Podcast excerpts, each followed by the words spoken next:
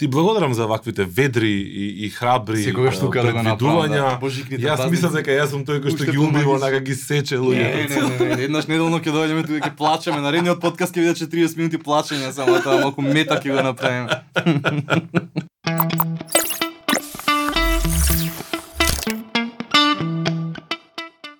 Јас практикувам да започнам со добро вечер или добар ден или добро утро, зависи кој како не слуша. Ова е 90-то издание, односно 90-та епизода на Комкаст, подкастот во кој што зборуваме за маркетинг, медиуми и се што не обкружува поврзано со дигиталните медиуми, дигиталната култура, интернет, бла бла бла бла бла и така натаму. 90-то издание е, во да речеме оваа последна итерација во која што форсираме а, аудио, односно јас форсирам аудио, ама сепак најмногу реакција имам на YouTube и на и на видеоканалот на на комуникација.нет. Особено чести задоволство ми е што денеска како гостин uh, во uh, тема на разговор која што ќе кружи околу креативност uh, го имам Марко. Марко, ја упорно заборавам презимето како ти беше, ако воопшто е битно да го Вон. Рибентроп. Не. Данска. Не, А, ама не. не. Стојановиќ. Да. Да. Да. Знам дека го знаев, Да, ама али- не ми текнуваше. Да. Значи, а, Марко е човек кој што, а, поправиме ако грешам, креативноста своја слободна ја тестира најмногу на Твитер. Па, да, да, од прилика. И на, да, и на MySpace, ама таму веќе никој не гледа, така што тие гениални пошалици таму пропаѓаат. Ама, Ова е веќе втора епизода во, во серија кој што како што ми го спомнувате MySpace. Ана Ана ми го спомна минатата недела MySpace, сега ти ми го спомнаш MySpace. Дали ова е некаков знак од интернет боговите дека треба една посебна емисија Том, да, да, се да, да, посета направил тука нека. Па можда може, ма ја никогаш немав на на MySpace. Ти имаше профил таму или не? А, не, не. Немав, А. И имав, ама покасно го направив чисто онака за да видам овие со музикиве со тоа шарените позадини што правеа и Не. MySpace, да, таа таа доба ја скокна. Facebook имав кратко од 2006 до 2008 или кога и да се направи Facebook не ми текнува, ама ти едно 2-2 и пол години, вајда Twitter 2010 као еден од така по и толку. Во така нареченава креативна индустрија си од 2002 година. Така некако го Тука го, некаде, го да. лоциравме почетокот Да, да, твој. да.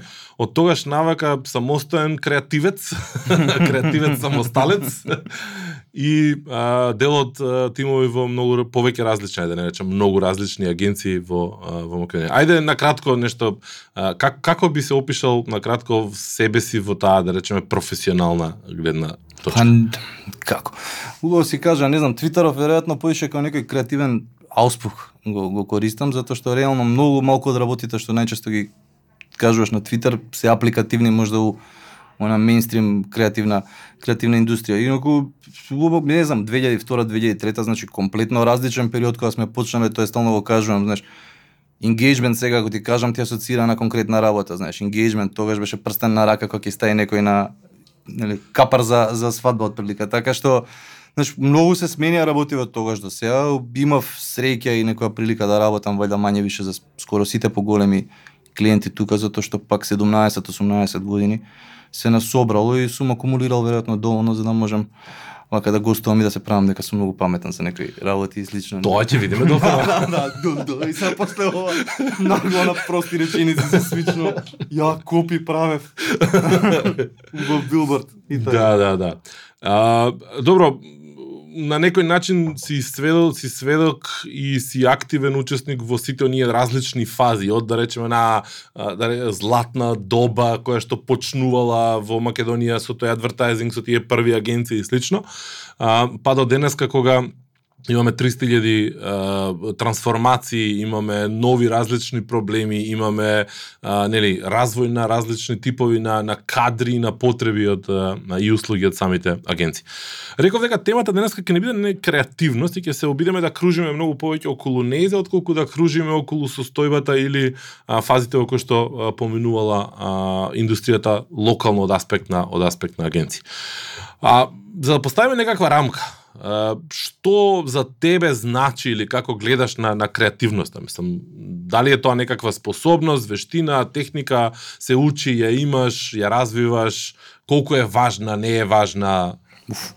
За ова што го правиме, се глупава малку можеби да кажам дека сега можеби малку помалку, ама ќе доеме најверојатно и до тоа утекот на на разговоров.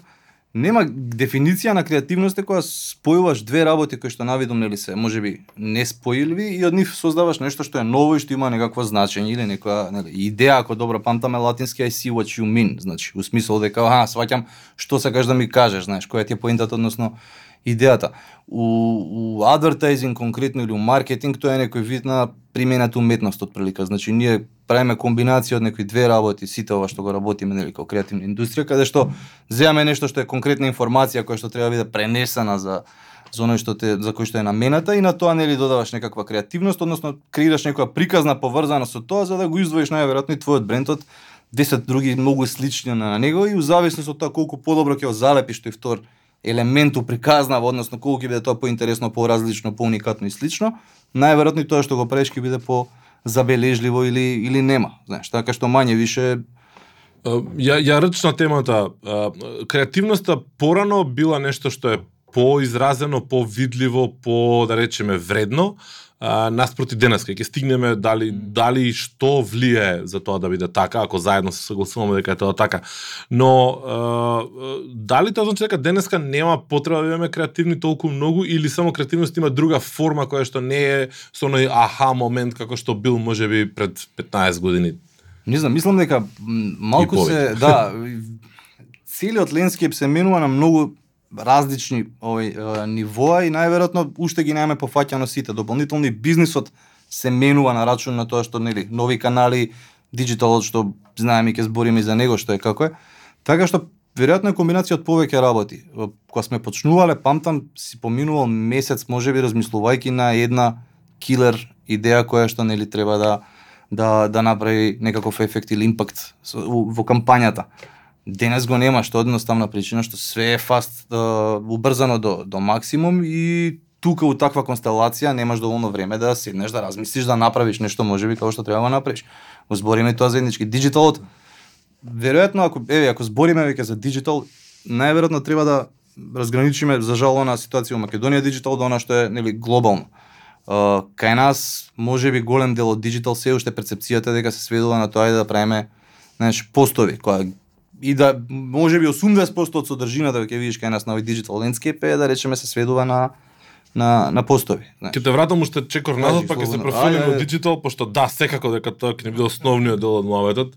А, ама, ајде вака, дали ако е, денеска ти даде некој месец дена време да размислиш за идеја и направиш нешто што е на ниво на креативност и, и, и совршеност а, од тоа што било пред 15 години, мислиш дека ќе го има истиот ефект како што би имало тогаш? Како ефект врз публиката? Да, да. По принцип, веројатно да, затоа што оно што е добро, на пример, можеби како тој диджитал е што сега многу подобро можеш да стигнеш до оној до кој што си планирал да стигнеш, знаеш. Мислам, традиционални медиуми уште се ефикасни, а меѓутоа далеко тоа дека го има тој нели таа моќ да стигнат до до оние до кои што е наменето, знаеш. Да, оке, ТВ гледаност, нели вестници, принт, сето тоа што полека полека стануваат некои диносауруси од аспект на канали. Мал, мала дигресија, многу ми ова смешно секогаш секогаш ми онака ми текнува кога збориме за тие традиционални. Дали знаеш кои се два канали кои што имаа 100% рич, збориме пре интернет и пре мобилни телефони урака со интернет, два канали традиционални на комуникација кои што имаа 100% рич. Не знам. Не, едниот е флаер вајде, не знам. Не, не, не. А, едниот е а, у кино рекламите што идеа пред да почне филмот, збориме пред телефон каде што ти можеш да гледаш, затоа што ти тука едноставно А, добре. јапаш, знаеш. Добре, 100% рич во смисол дека Добре. Знаеш, што е тоа дека Ја ќе на целиот пазар да го покриеш. Не, не, не, збориме која, знаеш, таргет у моменталната целна група дека тоа тоа што си им го пуштал на нив ќе го видат 100%. Значи они буквално тоа седиш и тука зјапаш, гледаш тоа затоа што немаш тоа, немаш телефон да видиш кој ти лайкнал или слично. Е него едноставно гледаш. Вториот што ми е мене многу по а, ова е по посмешан се е, оние мали као мини борди над писуари у машки ВЦ. А, да. Да, збориме пред интернет. Ја на пример Бастион, Мркат. што памтам, беа Бастион. Гледаш ти одмah, одмah како визуални референции у глава.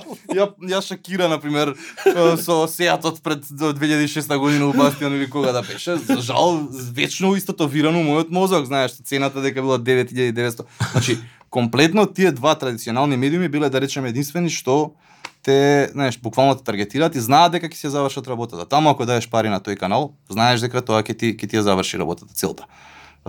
Споредба на пример не знам печатени весници мислам дека имаше некоја бројка дека доколку во весникот што го листаш а весници сите знаеме со ние порано стари едни хартиени што ги читавме.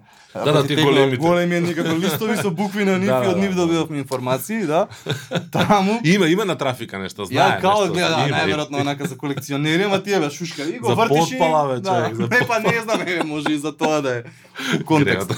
Не, ама таму на пример ако беше Мислам дека беше дека ако огласот е во боја, човеч колку принцип се задржува на него да речеме секунда и пол, ако е црно-бел под секунда паѓа attention span-от. Значи ти имаш пола секунда од прилика со тоа што си вложил нели у целата твоја креативна моќ, потенцијал и слично и тоа ќе заврши некоја половинка у утрински весник пред 12 години и ќе го видиш. Е, а денеска ние у Digital се фалиме дека, а, односно, се бориме со предизвикот дека вниманието на луѓето е многу намалено, дека attention span-от е уште пократок и така натаму. Ако тогаш било секунда и пол, две или нешто помалце, тогаш колку е денеска на Digital, колку е денеска на десктоп екран, колку е денеска на мобилен екран. Значи да се Има, има, милисекунди се упрашање, мислам да се на micro moments Google што ги а, што ги форсира, што ги што ги дискутира цело време. А, а значи да констатирам наназад дека а, без разлика што денес имаме многу повеќе информации, сме бомбардирани на многу повеќе канали.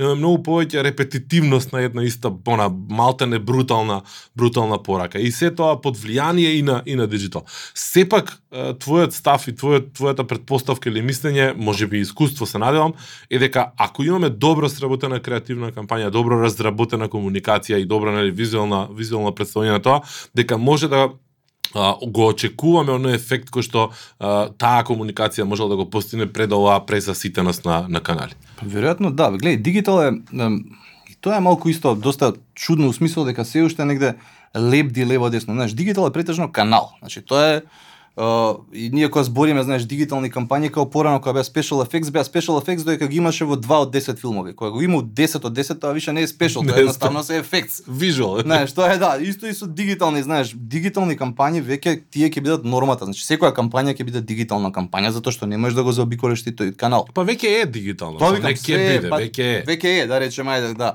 Сакам да ти кажам дека буквално сите кампањи се на некој начин дигитални затоа што го користат тој канал. Е, са на кој начин го користат, тука веќе може би варира, знаеш. Имаш фантастични некои примери за, не знам, најголемиве брендови кои што а, го користат едноставно каналот, меѓутоа Nike да речеме вади, тоа е спот, ТВ спот, тој можеш да го пуштиш телевизија, можеш да го пуштиш у кино, можеш да го дома на прожектор приватен, они го ставаат да речеме на YouTube и ти за еден ден имаш 6 милиони views. И тоа е на некој начин digital кампејн затоа што се подпира нели на користење на канал, Меѓутоа како форма да речеме тоа е класично видео условно кажано. Сега нормално они имаат можеби некои пропратни елементи тука кои што до, го дооправдуваат тој цел диджитал аспект, меѓутоа не знам, некои од најголемиве кампањи ако видиш у минативе години беа класични ТВ спотови едноставно само пласирани на дигитал канал. Да, знаат кога таргетираат, да можеби не знам се појава на Супербол или се појава на додела на Оскар или слично, знаеш, паметно го користи каналот, меѓутоа како форма најкампањите, не знам, Жилет, uh, The Best a Man Can Get, односно она што беше лани, тоа е класично видео. Она катастрофа на Пепси што беше со Кендал Дженер, е класично видео. Сите тие се, нели, као digital campaigns, квалификувани The Best campaigns или добро. Uh, меѓутоа, генерално, кога ќе видиш, се подпираат на uh, едноставно користење на каналот дигитален за да ја пласираш својата порака, знаеш. И тоа мене ми смета, кај нас имаш уште доста, извини, овој кој што ги рече, Знаеш, окей е за на Facebook е само, знаеш, мислам, обратно, сега Не, треба да окей. него... Абе, окей е за на телевизија е само, треба да ти каже сега некој за да речеш у реду, бидејќи знаеш, мислам, на Facebook има или на Инста или што и да е. Дали тебе на YouTube ти се појавува рекламата за печките на пелети од ТВ до продукција? Не, ама сум слушнал дека Да. некој има спомнато што значи дека ти уште некој сте меѓу жртвите најверојатно. Ќе ти го пуштам следниот пат. Значи, Те он е. ТВ до продукција, ТВ реклама класична, у прирол на YouTube, значи убива, убива. Не сум ја, не сум ја видел, изгледа дека не сум, овај, изгледа успеа, сум, ме, ме заобиколиле некако, знаеш. Ке те намести. Праќање посто. Добри, ја ми ја контра некои банери и понуди што може да ти ги препратам и слично. А, е сега, ова сега што го зборуваш, всушност го скока оној убавиот дел на диджитал кој што и ти си сведок и ние многу добро евме сведоци кои што го живеевме, а тоа е делот кога имавме простори на диджитал, кога диджитал се уште беше и social одвоен канал, кога се обидуваше да се залепи она без врска на, на, на телевизиската комуникација, меѓутоа имаше простор да направи нешто плюс. Имаше простор да направи некаков engagement, некаква апликација, некаква игра, некаква механика. И тоа беше периодот во кој што uh, social беше uh, earned channel, беше да. owned и earned channel а, кога Facebook ни даваше толку многу простор и толку многу нели досек или рич ни ни овозможуваше да едноставно ние бевме во позиција да чека да смислиме нешто креативно да извадиме маста од тука. Да. И тогаш се случува разноразни апликации, разноразни игри, разноразни механики, чуда врагови. Значи и на Инстаграм, и на Твитер, и на не знам каде. Со тек на време, таа тој простор се крати, се скрати се кратеше, ајде не знам како да го како да го именувам. И денеска сме во фаза во која што е, е, барем според моје објаснување, а ти ќе ми кажеш дали го гледаш така исто, е века е, social каналите веќе долго време се paid канали, значи класични канали кои што се платени канали. Mm. Јас се сеќавам за за клиенти за брендови за кои што работевме и работиме со години, а, на глобално ниво доаѓа кампања и стратегија и ти вика од таму 2018 не знам каде на глобално ниво за овој бренд social е paid канал. И они класика го третираат као класичен да, да, да, paid тоа канал. Тоа е тоа. Ако имаме engagement, е, браво, супер нас. Али никој не очекува да има тако нешто. Никој никој не очекува нешто многу да се случува а, овде. Гледај, сега пред некој ден читав дека у принцип сега почнуваат као да мерат дека може би ефективноста на тоа и не е толку голема затоа што ти може би директно не можеш да измериш колку тоа ти носи нели у, у продажба директно освен ако не е некој што е исклучително sales oriented дека све што е имидж поврзано нема баш мирливости колку тоа тебе ти зголемило некој ревењу на крајот од годината или што и да е знаеш со со двоите постови. А, дополнително мислам дека може да и ние прегоревме, не знам што да кажам, бидејќи стварно дигиталот е малку гейм ченџер за креативци од аспект на тоа дека наметнува темпо на работа кој што е многу, многу, многу по напорно и захтевно, не знам, пред 10-12 години работиш кампања, викаш фотограф, он ти сликува, да речеме, не знам, девојката со телефонот у рака или што е да е, ти поминуваш 4 дена у ретуширање на фотографијата, лакираш ногти, чистиш влакна од коса или што и да е, ме разбираш, за тоа да го, па билборд, па ти доаѓа меч принт, ти се подпишуваш да видиш дали е тоа окей или не, за тоа се најде негде закачано на партизански или слично, а сега ти на 3 дена треба да генерираш идеи.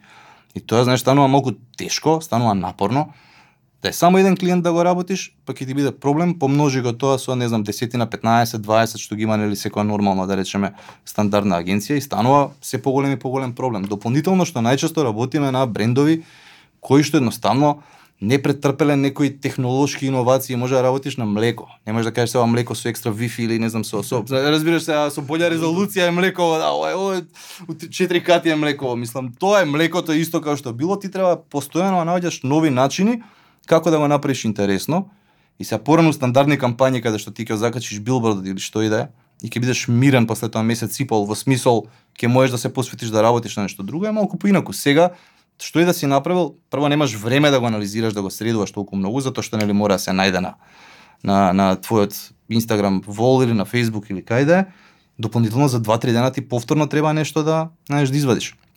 Не значи дека може би нема простор за нешто измеѓу. Ние имавме како еден успешен пример она лансирањето на Стоби Флипски сичката у кога го дигнатме на на 36.000 да. метри, тоа на пример генерираше многу добар респонс. Ние многу малку го подбутнавме да речеме со со со пари за да го видат можеби повеќе луѓе, меѓутоа органскиот тогаш уште нели беше по поискрен целиот тој тој лендскейп. Да. Околу 700-800 луѓе го видоа што беше супер, знаеш. И тоа е на некој начин може би некаков вид на дигитал контент кој што не е класично, окей, сега ќе сликнам производот или не знам млекото, па започни го денот со насмевка и чаша млеко од што и да е, туку беше нешто малку поинако и може би ради тоа луѓето изреагираа, знаеш. Колку, а, значи, обседнати се сме и ние и самите клиенти и брендови да тоа да им се гледа производ. Значи, на секоја една објава на Facebook сите гледаат дека ова е нивниот нов билборд, ова е нивната нова ТВ реклама и ова е нивната следна ТВ реклама и следниот билборд и следниот City Light и следниот постер и наместо ако имале две или три, не знам, реклами во текот на годината, сега имаат секој ден или секој втор ден или неколку пати во текот на денот.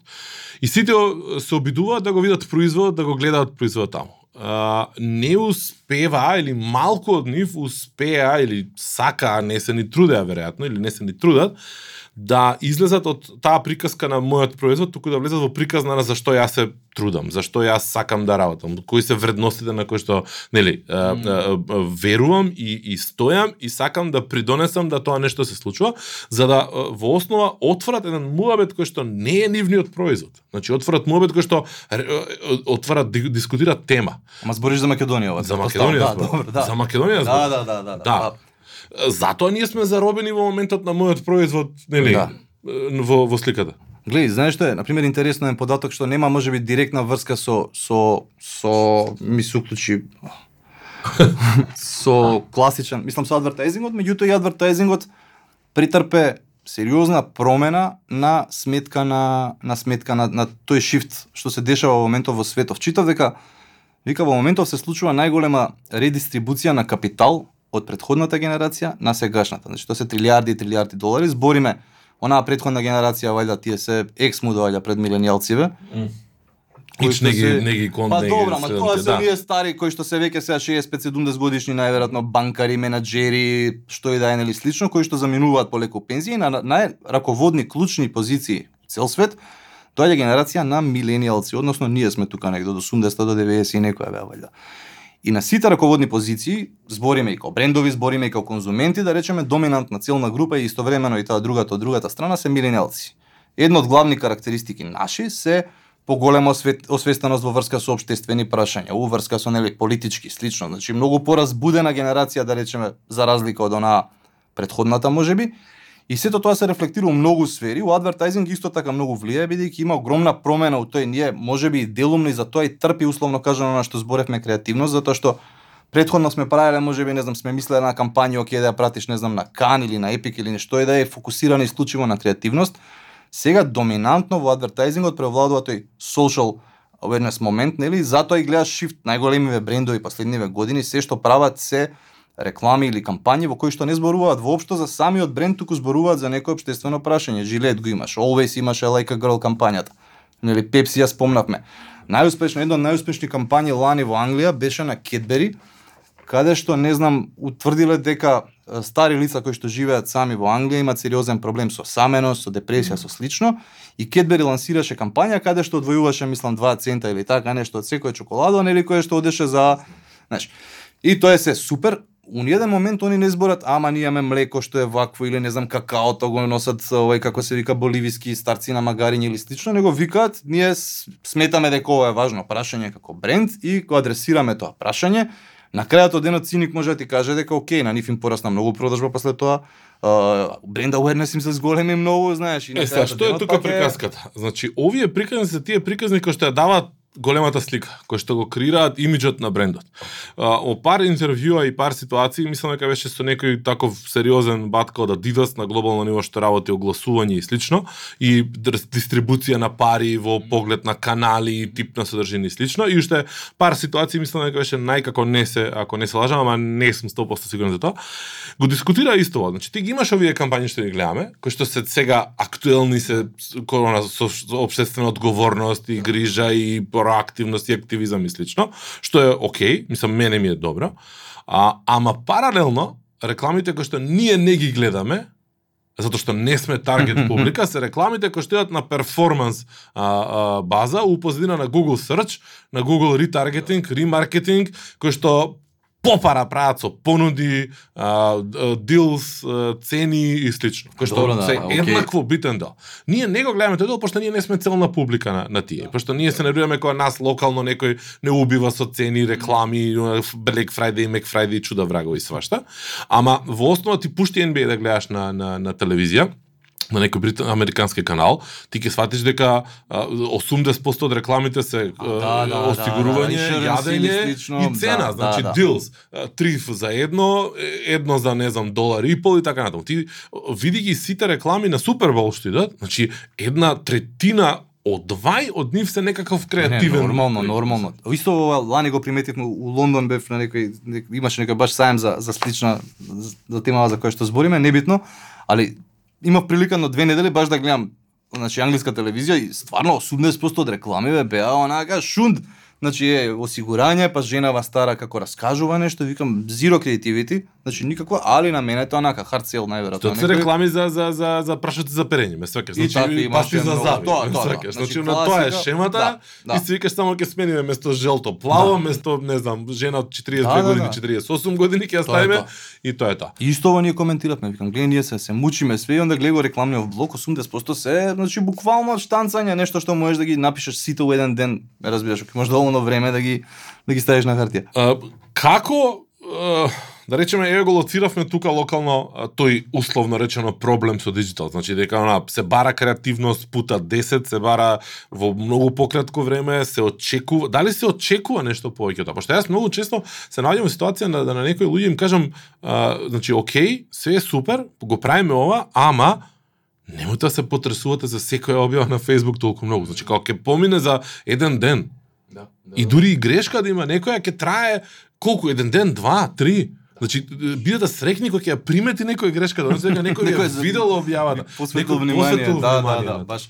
А, не знам, у принцип, најверојатно, не знам колку се очекува, ги гледав, скоро ги анализирав, можеби најголемиве наши македонски брендови, Никој од нив нешто не е дека растура со број на следачи или слично. Значи има некој сосема нормален, дури не знам, ја имав што не сум никој и ништо, имав повеќе следачи на пример од пар наши брендови кои што Па и важат релевантно е, канал. Знам дека е пет канал, јасно ми е сето тоа, меѓутоа најверојатно и покажува дека многу луѓе едноставно не ги не ги интересира да следат можеби таа содржина. Дали е тоа поради самата содржина, дали е поради тоа што имаат некаква верзија кон брендови, појма немам, знаеш, малку е Може би ради ова сето што го збориме, знаеш, кога имаш ти можеби кај нас брендови што ќе почнат да сменат малку комуникација, Може би ќе адресираат некои вакви прашања, ќе започнат некоја поинтересна кам, кампања, можеби и а, нашава целна група повеќе ќе се заинтересира, знаеш, ќе почне да да ги следи и слично, затоа што генерално важи мислење дека во последно време посебно е и пак овие милениалци од брендовите очекуваат да имаат ставови за клучни прашања и слично. Веќе не ги интересира се да ми збориш ти мене дека чоколадото ти е на 7% Па попус јас- или знаеш. Јас сум малце скептик на таа тема. Значи да го следам, ги читам тие истражувања и генерално го согледувам тоа дека се случува, меѓутоа гледајќи ги помладите, анализирајќи ги помладиве и вклученоста и нивото на сериозност, мислам дека за нијансе има искривување тука.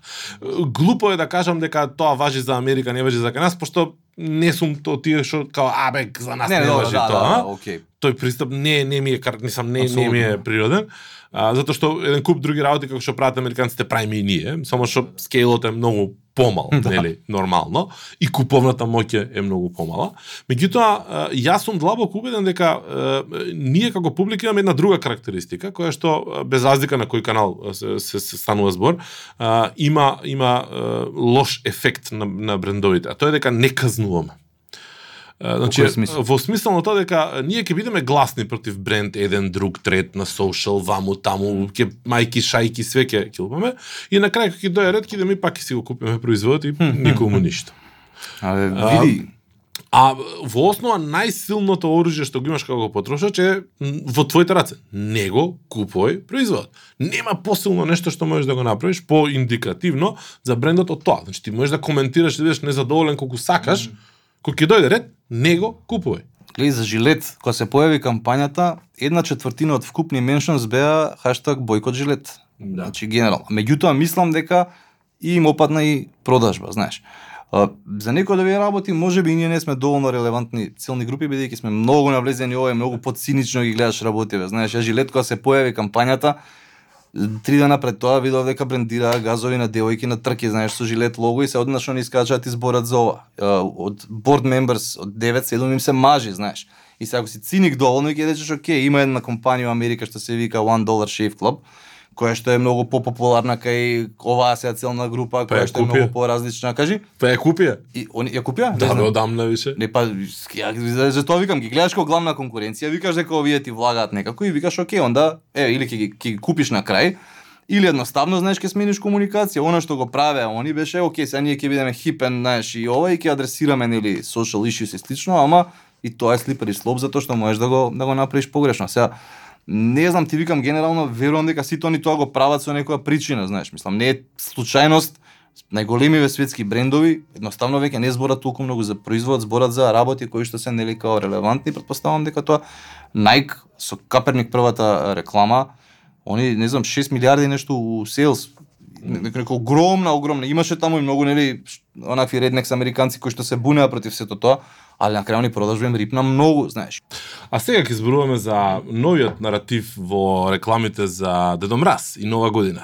Е, конечно маркетерите оваа година има нови теми, нови нови а, аспекти да да направат реклами и комуникација за Нова година. Да, да, малку обнесеме морбидно со тој иначе традиционално весел празник, доста ни сите нели од, од, од среќа и слично.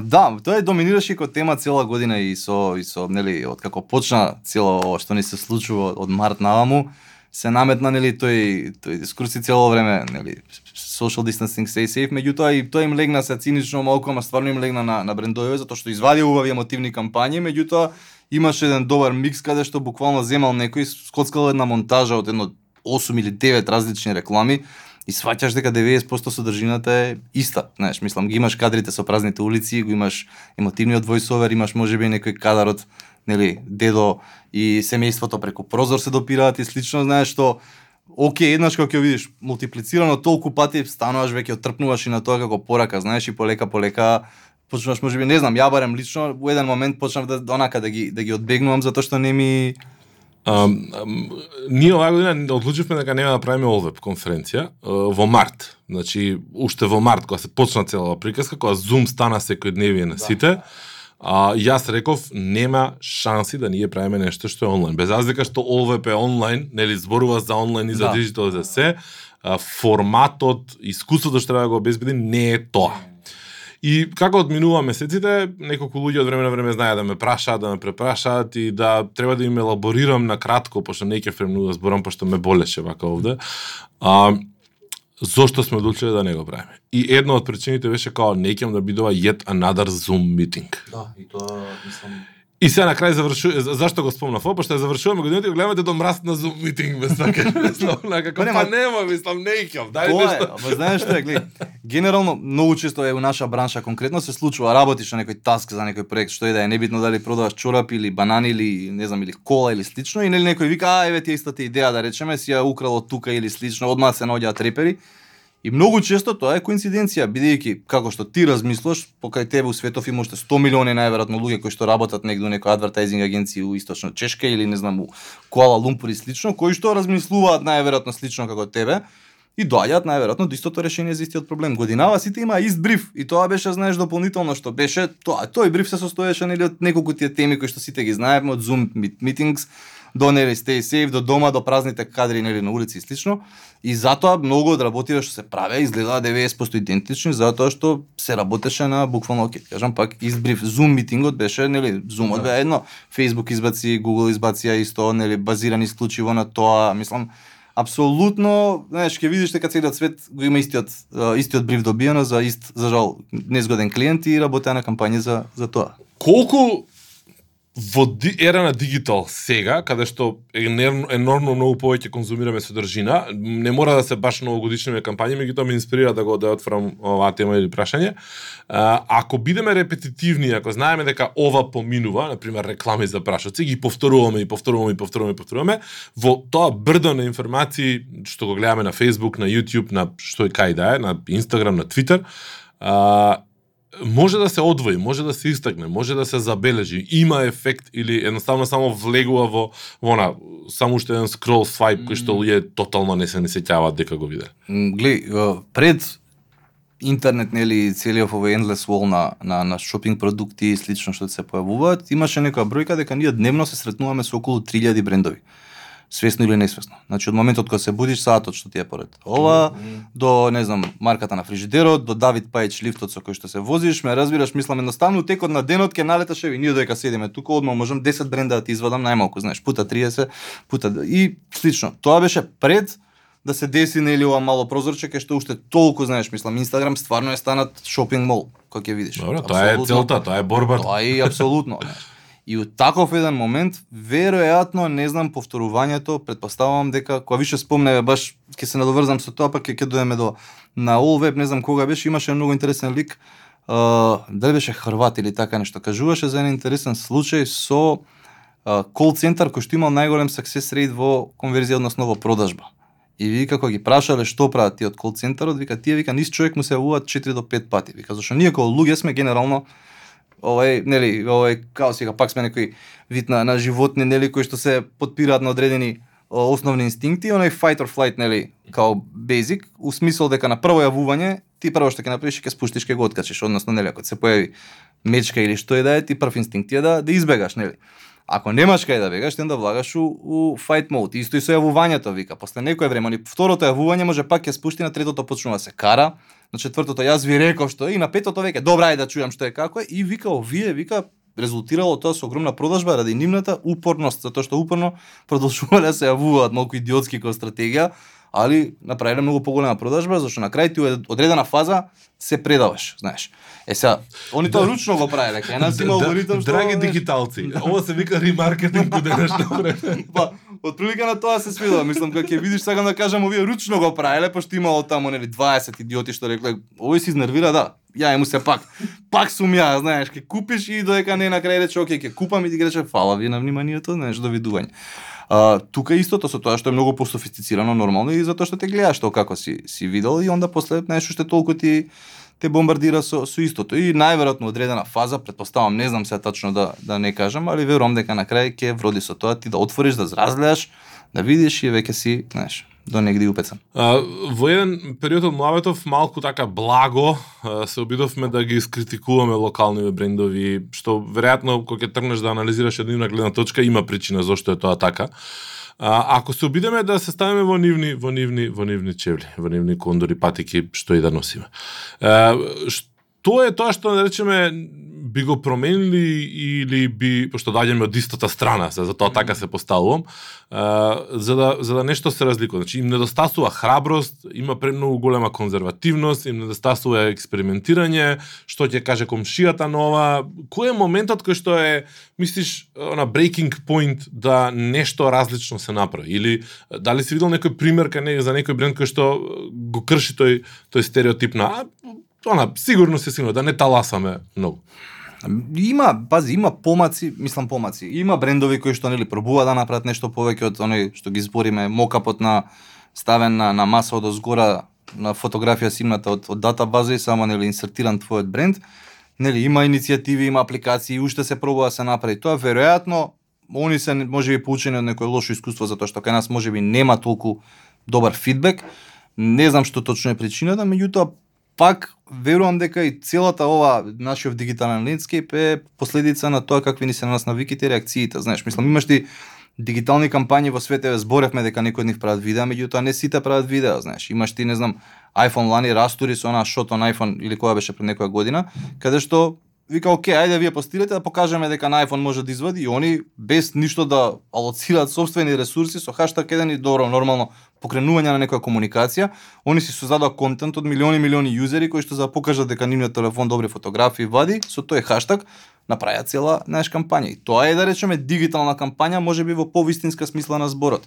Uh, имаше, не знам, ти текнували со на јајцето што се појави. Тоа беше дигитал. Ајде да собере јајца да, повише лајкови од не Не, не знам што испадна со тоа, ама дојде до 5 милиони Дошитна, на, на тој мисли дека почна да продава нешто во реклами. Да, да, да, да. Знаеш, тоа е на пример некој тип на, на диджитал кампања која што можеби се разликува од овие што ги збориме огромно видео од 200 милиони, знаеш, каде што ги имаш, не знам, Леброн или Серена и слично.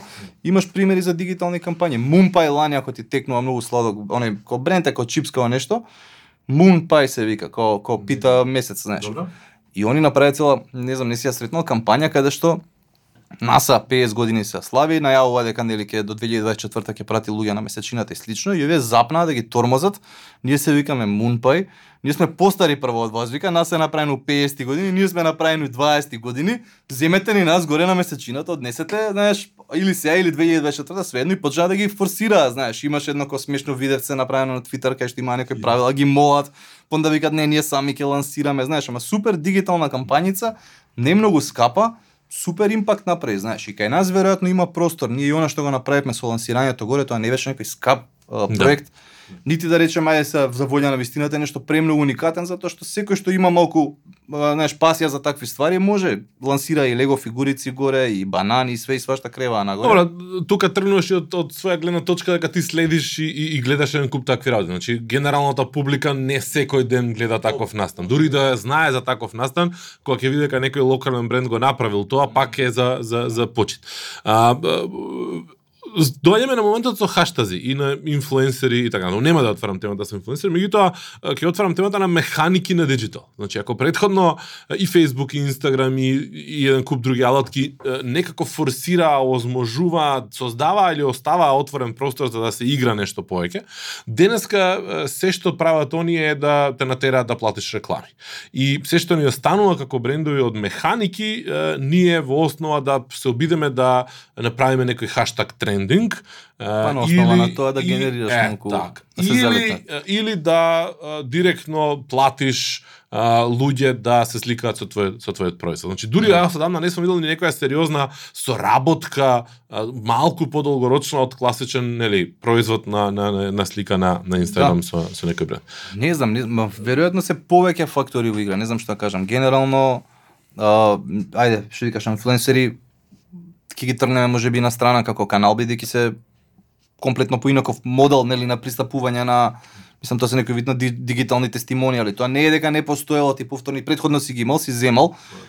Апсолутно, ќе земеш некој познат, ќе излезе на телевизија, ќе снимиш и он ќе рече дека јас нели овој производ го користам, стварно го користим, му се допаѓа и слично. Се работава што Инстаграм е платформа која што на секој од нас му овозможува собствен нели канал и тие инфлуенсери се медиуми на крајот на криштата кои што нели некои се повеќе релевантни, некои се помалку релевантни.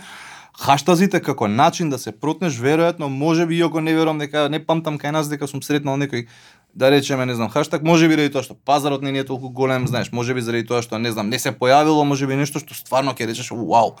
Пошто хаштаг на крајот крајва како сватиш ти е некој вид најве ти дам слоган што ти можеш да си го користиш да си го присвоиш како свој и да се приклучиш нели на дел на ова наше Па ја повеќе го гледам сега ќе употребам еден термин кој што другарите така ќе ќе ме зедат платформа, пошто тоа е сега како актуелно многу а, во, во нашето обштествено функционирање, платформите се као битните работи. Значи, ја го гледам хаштагот као една комуникацијска платформа, значи нешто за што ти се трудиш, работиш, се залагаш, значи правиш и ако луѓето го препознаат дека тоа е доволно вредно, битно да се вклучат кон таа активност, тогаш го го Значи, мене ми е без врска на еднаш во годината да сега ќе ставаме објави со хаштаг овој пошто не знам, се грижиме за слободата на Мм. медиумите, се грижиме за жртвите, се грижиме, значи не дека не се грижиме, не дека се лоши тие кампањи. Да, да, да. Меѓутоа ми е позерски многу повеќе отколку моментот дека а, нели ти стварно нешто си а, си направил.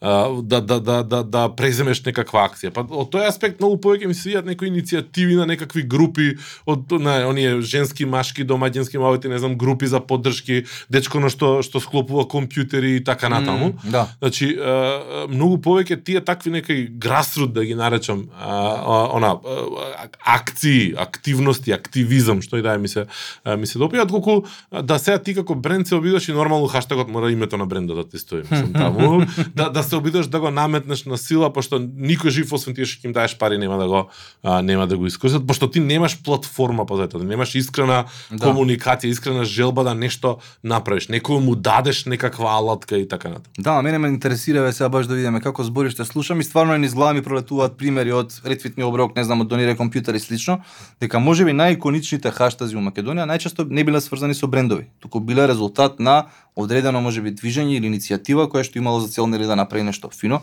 Не знам, не сум, тигам, немам пак ова, Ама генерално најверојатно можеби од бренд би делувало малку поцинично, можеби викам не е доволно што викаш ако го инсертираш ти брендот у хаштагот си го утепал хаштагот више стави, не разбираш, мислам онда веќе освен нели збориме се за брендови за компании и слично.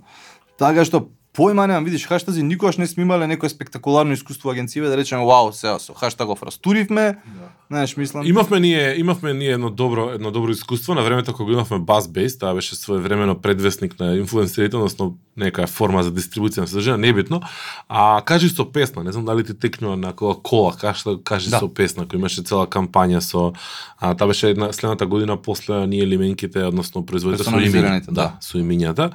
А, и тогаш тоа помина доста добро, ама пак работевме, само тој дел бевме малку вклучени а, во social делот, каде што во основа беше првиот после пет или шест хаштази кој што Coca-Cola ги работи у кампања, а првиот што органски, нормално со ред след на активности, Да почна живее и сам од почна себе. да живее само од себе. А, ама беше глобална, многу добро сработена, смислена кампања. Ние најдовме механика тогаш да помогнеме на, на, на целата таа приказка да органски се повле, го повлече а, хаштагот а, а, Добро нели, и публика. едноставен и најверојатно си носи некое некое значење. А добро, ама и големината на брендот тука игра улога. Добро, тоа Значи, големината на апсолутно. брендот игра улога, перцепцијата. Јас мислам дека многу тешко ние како циничен народ ќе може да направиме такво нешто за локален бренд, да повлечеме, да толку безрезервно влеземе и речеме, а, сега ова млеко, ова вода, ова не Да, знам, да, се таму што се може би кажи кажи му на дедо ли како беше тоа. Верувај му на дедо, верувај му на дедо. Тоа е хаштаг што треба да се да се врати во, во, во живот малку. Нема, не знам, гледај, хаштази у принцип се и на некој начин условно кажано, тоа е слоган со тараба пред него, мислам се да го симплифицираме. Пак е кратка порака, нели, која што е напишана у некоја форма, најчесто на, на слоган и не знам, генерално, наназад ако трнеш ти слогани у Македонија, не сме имале некој можеби што е не знам колку иконичен да речеме, има вакви кои што можеби се поише Да. тема на, на пародија, знаеш, на зезање, отколку нешто што реално кажеш, у да, тој има стварно добар слоган и јас го, знаеш, го запамтив и еве се го користам, го цитирам. А, има еден кој што веројатно ние постарите а, го памтиме и не е врзан со, со компании, со бренд и со комуникација, меѓутоа не е ни као добро е слоган, ама не е као хаштаг, пошто беше Мм. mm. А, мене ми е иконичен цело е кога има се. Добро, да, да речеме. Е, што викаш и тој го, знаеш, тоа е 20 години више, може би, може би стар, да. И повеќе, да. Тој си доби малку тогаш и на популарност поради тоа што луѓе го малку го модификува, па си, знаеш, му аплицира свои свои значења и слично. Али генерално да, и зашто се памти. Бе види, гледај, у суштина е многу кога ќе разложиш ти адвертайзинг и слично и многу и комуникација, генерално ние се си има некои корени корени позади. Нај најбанален пример ќе ти кажам. Uh, едно од најиконични македонски узречици е и то на К15. Да прашаш 100 луѓе, 100 луѓе ќе ти дадат различен, на пример, различно толкување на истиот, меѓутоа лесно е, многу се памти лесно и ти можеш да го изрепродуцираш одма и да нели да да се чувствуваш поради тоа малку малку боље. У суштина тоа си води до малку покомплексна тема, начин на кој што ние учиме, ние учиме по пат на репродукција, Значи, школа ти кога ќе доеш, кога ќе ти рече има 40.000 овци у Нов Зеланд, ти немаш појма, ама кога те праша колку има Марко овци, ти викаш 41 наставничка, вика браво Марко, и тебе те лачи тука допамин затоа што си го репродуцирал тоа успешно. И ние тој модел на размислување не следи низ целиот живот. Ние генерално по пат на репродукција најчесто нели и школа и се останато учиш и после тоа го репродуцираш. Поп музика едноставно точно тие причини. За мој што полесно да ја научиш, да ја запамтиш, да ја изрепродуцираш, да ти лачи малку мозокот, нели, убави чувства и слично и да го купиш албумот. Кога ти кажам ја Hit Me Baby, одма викаш One More Time, ама ако пробам ту да ти цитирам сега некои лирикс ме разбираш од Латералус, Добро, можеш на Со солото на, солото на бубневите да го отвориш од Хери, пнеума. Да, да, или нешто така, тешко дека ќе го изрепродуцираме, знаеш. Се се сведува на тоа да бидеш што поедноставно, за да го запамтиш полесно, за да можеш да го изрепродуцираш. И со слогани исто. И тоа е се два збора, знаеш, мислам толку. Али луѓе одма го памти, одма лесно може да си го повтори, му дава некое свое значење, цело е кога го има се исто така е добар. Добар слоган бидејќи уште збориме за него 20 години подоцна, знаеш. А, да се обидеме да ја затвориме некако тема, иако мислам ја можам уште многу. А, ајде да да да споиме да речеме некаков а, обид за заклучок, препорака, согледување во визионерско во едината. А, креативност и диджитал. Каде го гледаш тој спој сега? Да речеме, ова веројатно исто така несрекна 2021 и натаму. Па тоа што кој од околу вака мислам дека многу слично ќе биде да спекна, нели, овај маркетинг веројатно доста малку посрамежливо ако нешто пркне таму, меѓутоа најверојатно повторно ќе биде исто. Не знам, ја чекам искрено да видам како ќе се смени, бидејќи целиот бизнис, нели, како што ти кажав, се менуваат повеќе причини, од начинот на комуникација до нели каналите на кои што се подпира се повеќе. Кај нас мислам дека ќе си тера уште некое време вака слично затоа што нема има многу простор можеби оваа година ти да правиш нешто што е можеби посмело и и поразлично. Uh, по мене малку дигитал станува креативити килер. Зборам да речеме се од искуство на човек што поминал доста време во агенции, каде што стварно тој притисок, а не е само дигитал, бидејќи за секоја агенција што работи традиционален овој маркетинг, адвертайзинг, Кој ќе вметнеш ти дигитал, тоа е практично кој да си доизградил втора мини агенција во склоп на таа, затоа што апсолутно за секој бренд нагласе може би дуплирани дуплирани обврските со тоа што доека ти паралелно работиш на пекеджинг за некој бренд или организираш некоја бетел промоција или настан ти треба да мислиш на или на дигитал кој што е многу позахтевен, знаеш. И веројатно дали не знам, можеби комплетно ќе се дораздвојат, ќе си конечно ќе си имаме како што имаш еве знаеш, комплетно целосна дистинкција, можеби големиве агенции ќе најдат начин поинако да го инкорпорираат тоа. Со ова темпо мислам дека за нив е малку напорно за сите нас затоа што бара константна креативност, а ти секогаш се трудиш тоа што ќе оддадеш да биде нели до нек, некој стандард, да не се смеат луѓе на крајот на криштата утре дека си направил некој пост што е можеби глупав. Бидејќи мисловниот процес ист, ја пак седнуваш да размислиш нали на некој пост, дали на крај ти ќе му направиш CVS JPEG или ќе го однесеш у печатница, го испринташ, предходно пак седнуваш да го работиш со исти алатки, исто алоцираш креативни ресурси, исто е све освен на крај што викаш окей, сега ќе постирам ова на фейс И што ќе умре за еден ден. и што ќе умре за еден ден за жал, да, знаеш, мислам нема ќе ти напишат да бу, you suck, ќе ти напишат 46 луѓе или ова е глупо и толку, разбираш, и тоа е тоа. И за два дена повторно поминуваш најверојатно ни слична креативна голгота и, и така натаму. Така што мислам дека најверојатно малку ќе си продолжи вака си биде килаво некаде измеѓу, дека ќе се штанцаат уште доста посчиња, што повторно може би не е лошо, се доека тука измешаш и уфрлиш нешто што е некаков контент кој што може би знаеш делува на нешто поосмислено, на некој проект што луѓе ќе видат, ќе изреагираат и слично, наместо да биде само аха, окей, скролам, започни го утрото со твојот омилен маргарин, нели, хаштаг јадам маргарин и нели маргаринот стане на, на дрвените даски од оздола и небото со сонце позадина нели и тоа е тоа. Мислам Добро, малку па, ту- ту- тука треба пазиш да не заврне тој ден, ме свакаш. Значи, е да само да, да, ми инсерт инсерт руф ќе направиш од згора на твојот пост и веќе имаш за сите сезони. Твојот пост наглас стана all season пост, така што не знам, знаеш, многу е, ја чекам да видам, тигам, стварно многу се претрпе многу промени и самиот адвертайзинг од она што бил, на пример, ја пак 2002 трета почна да се бами. Пред тоа Македонија имаше некој зародиш овој 90 и нели кога почна кога почна по повеќе се внимава на тоа. Сега со ова е хипер турбо, страда квалитет многу, знаеш, и генерално не знам на каде ќе, не знам на каде ќе одиме, мислам дека наредната година ќе бидеме вака услична фаза на овој на на комуникација. Така што оптимистички го завршуваме муабетот. Да. А, Ти благодарам за ваквите ведри и, и храбри Секогаш тука да го направам, предвидувања. да. Јас мислам дека јас сум тој кој што ги убива, онака ги сече Не, луѓето. не, не, не, еднаш неделно ќе дојдеме тука ќе плачеме. Наредниот подкаст ќе биде 40 минути плачење, само тоа малку мета ќе го направиме. Може за новогодишното издание да биде Да, така. Ама без борење, само онака. Не, не, само тоа и воздишки па нека ќе почне да липа. Тоа е едно 40 Значи, е шо сега корекција? Е кај корекција? Да мртка. Може ли да мртка рачето? Да, да. Е, не, оптимизирај ми го гифот. Значи, На вистина. 35 килобајти треба. Тенка граница, да, да, тенка граница да меѓу солзи и смеа. Да.